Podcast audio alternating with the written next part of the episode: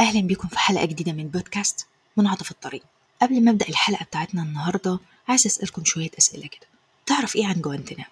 أو تحديدا تعرف إيه عن معتقل جوانتنامو؟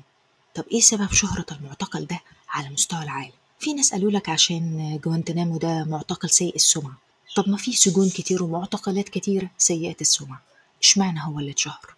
قال لك عشان أنشأته أمريكا على أراضيها وقامت باعتقالات غير آدمية أمريكا أنشأته على أراضيها طب وقدر يهرب من حقوق الإنسان إزاي؟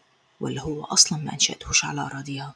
تعالى بقى نجاوب الأسئلة دي واحدة واحدة ونرجع من الأول تاني لو تفتكر إن في القرن العشرين حصل حدث كبير بدأت الحدث ده لما حصل بدأنا نسمع كلمة كده ما كانتش مألوفة على ودنا قبل كده رغم إنه كانت بتحصل بس ما كانتش موجودة زي ما حصل أو الحدث اللي حصل ده خلاها ظاهرة موجودة كلمة إيه؟ الإرهاب. يعني إيه الإرهاب؟ في يوم الحادي عشر من سبتمبر سنة 2001 في أمريكا مجموعة من الإرهابيين أو تحت مسمى تنظيم القاعدة قاموا بالهجوم على طائرات ركاب أمريكية ودخلوا بيها في الأبراج. إرهاب مباشر وصريح.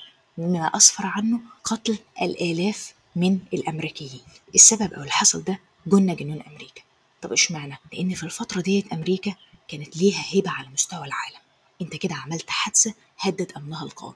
وفي سبب كمان تاني. إيه يعني لما تحصل حادثة تبقى إرهاب تقلل من هيبة أمريكا؟ لأ هي الفكرة إن أمريكا في الفترة ديت كانت مستغلية تفكك الاتحاد السوفيتي سنة 91 ومن هنا إن المنافس ليها بدأت تقل سطوته على الشرق الأوسط. فبدأت أمريكا تقتنع إنها رقم واحد على مستوى العالم. تاني حاجة وهي دي الأهم إن جورج بوش في الفترة دي كان مقتنع إن هو معاه مفتاح القوة النووية. فمنين دولة معاها مفتاح القوة النووية؟ ومنين دولة شايفة نفسها مسيطرة على العالم كله بعد تفكك الاتحاد السوفيتي؟ مش قادرة تحافظ على أمن بلدها. من هنا بقى بدأت أمريكا في حالة جنون في حالة اعتقالات بسبب وبدون سبب. وبدأت فكرة إنشاء معتقل جوانتنامو إحدى معتقلات الحفر السوداء.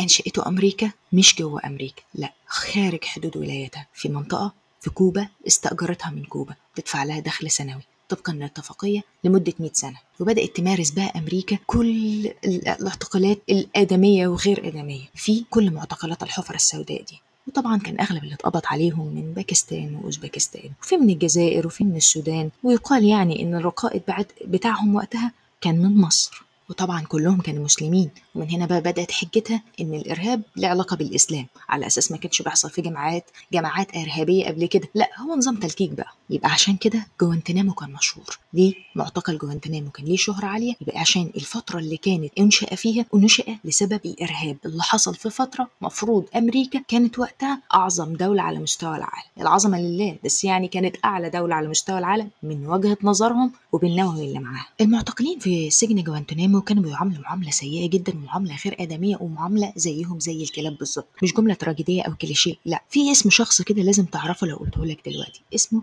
جيفري ميلر. الشخص ده أصلا كان ماسك مدير السجن وبيقال إن هو كان بيستخدم معاهم أسوأ أنواع التعذيب عشان يقدر يأثر عليهم ويأثر على دينهم باعتبارهم إن هم مسلمين. خد بالك الاسم ده برضو ما تنساهوش. ليه بقى؟ لأن الشخص ده برضو كان ليه توجيهات مريعة في سجن أبو غريب اللي كان موجود في العراق. آه ما أنا نسيت أقول لك ما هو بوش لما حصل له الإرهاب بدأ في حالة جنان بمعنى إيه؟ بدأ حرب على أفغانستان الحرب على العراق سنة 2003 آه نسيت أقول لك طلع من الحرب البارده اللي هي الحرب النووية اللي كانت على مستوى هادي دي اللي نتج عنها أو بهدل فيها أمريكا بال... بالفلوس وبالافراد فبدل ما يهدى شوية لا راح عمل حرب تانية بعد حادثة الإرهاب اللي حصلت عنده وده سبب كره أغلب الأمريكيين لجورج بوش. وده بقى يا سيدي علاقة الإرهاب بجوانتنامو أو بالحفر السوداء وطبعا كان عايز يبعد عن الأنظار ويهرب من حقوق الإنسان. بس طبعا هو ما كانش الهروب من حقوق الإنسان والهروب من الدول المعادية اللي ممكن تستغل ده في صالحها ضد أمريكا. في معلومات بقى بدأت تذكر في المجلات العالمية إن الرئيس أوباما كان عايز يبدأ بقى إن هو يتخلص من معتقل جوانتنامو ده أو يغلق معتقل جوانتنامو بس بعد كده يقال إن رأيه ده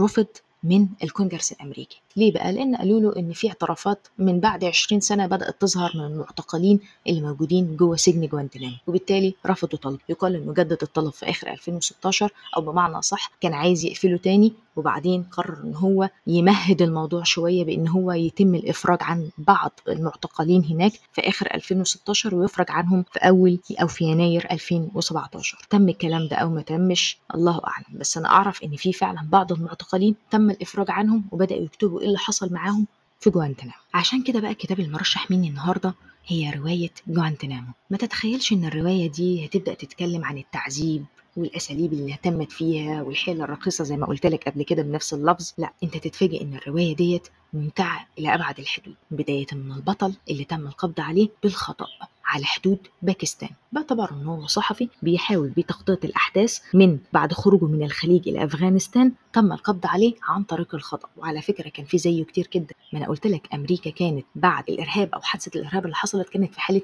هياج بتعمل حملة اعتقالات محسوبة وغير محسوبة معلوم أمرها وغير معلومة. الرواية بقى بتبدا توضح لك صراع البطل الشخصي ضد كل المحاولات اللي تمت قصاده دي. بمعنى إن أنت بتكون عندك مبدأ معين بس أحيانا لما تختبر في مبدأك ده ما بتقدرش تثبت عليه. لكن بالعكس الرواية وضحت لك تصميم بعض الشخصيات منهم اللي قدر يكمل ومنهم اللي ما قدرش. ومنهم اللي قدر بس ندم بعد كده. وطبعا الشخصيات أو طبيعة الشخصيات السجناء والدكتورة الموجودة ومدير السجن والتغييرات اللي حصلت كل دي حاجات الرواية بتحكيها بشكل ممتع جدا ده غير الثقافة العالية جدا لصاحب الرواية أو الشخص اللي بيتلو الأحداث ثقافة عالية جدا وتوضح لك بعض المذاهب اللي أول مرة ممكن تسمعها في حياتك. مش كده وبس ده أنت ممكن تسمع ما قيل عن طالبان والأفغان والجزائر وطبيعة الدين ببلاد الأفغان شكله عامل إزاي وإيران والشيعة وكيفية التلاعب من الحراس عشان يقدروا يسيطروا على المعتقلين أو المسجونين وإزاي الصمود لآخر لحظة من المعتقلين في مواجهة الحيل الرخيصة زي ما قلت لك برضو اللفظ ده قبل كده هنستخدمها كتير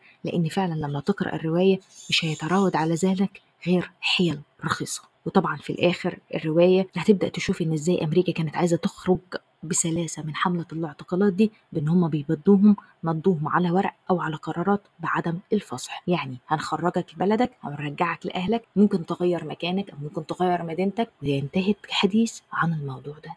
تماما. حقيقي رواية ممتعة جدا ومش بس زي ما قلت لك هتعرف عن جوانتنامو لا انت هيفوتك أحداث جديدة ومذاهب ومعلومات ممكن ما تكونش بنسبة كبيرة على دراية تامة بيها يبقى كتاب المرشح مني النهاردة رواية جوانتنامو للرائع يوسف زيدة قراءة سعيدة.